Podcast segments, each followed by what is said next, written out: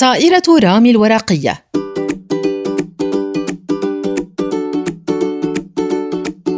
كان هناك صبي صغير اسمه رامي وكان يجلس في أحد الأيام يستذكر دروسه فعاد والده من عمله ودخل المنزل وقال مرحبا يا رامي لم يكن رامي مسرورا ولهذا لم يرد تحية والده.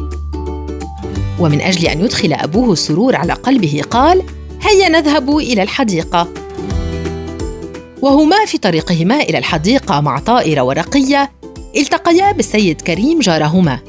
فقال السيد أكرم هل أنت ذاهب إلى السوق يا سيد كريم؟ فقال السيد كريم إنني ذاهب لشراء بعض الخبز والحاجيات للبيت. فقال السيد أكرم إن الجو جميل جدا ورامي يريد أن يلعب في الحديقة ويطير طائرة ورقية. قال السيد كريم مرحبا يا رامي. لكن رامي لم يكن يفكر إلا في الحديقة طوال الوقت فلم يرد التحية. لم يعجب السيد كريم سلوك رامي ولم يدري ماذا يفعل. وفكر قائلا في نفسه ما هو إلا طفل ولا يهتم بشيء لأنه لم ينضج بعد. وكان والده السيد أكرم منزعجا أيضا.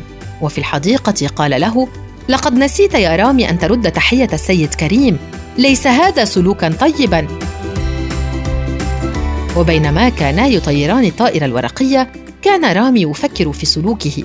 أدرك أنه أخطأ وشعر بالخجل. لعب الوالد وابنه في الحديقة لبعض الوقت ثم قررا العودة بعد ساعة تقريبا. وفي طريق عودتهما قابلا السيد كريم الذي كان عائدا من السوق. تذكر رامي خطأه وقال مرحبا يا عمي هل أستطيع أن أقدم لك أية مساعدة؟ شعر السيد كريم بالسرور ونظر إليه بحب وقال كل الشكر لك. هل استمتعت باللعب بالطائرة الورقية يا رامي؟ أجاب رامي نعم يا عمي. كن مهذبا وقل أهلا ومرحبا لمن تلتقي بهم.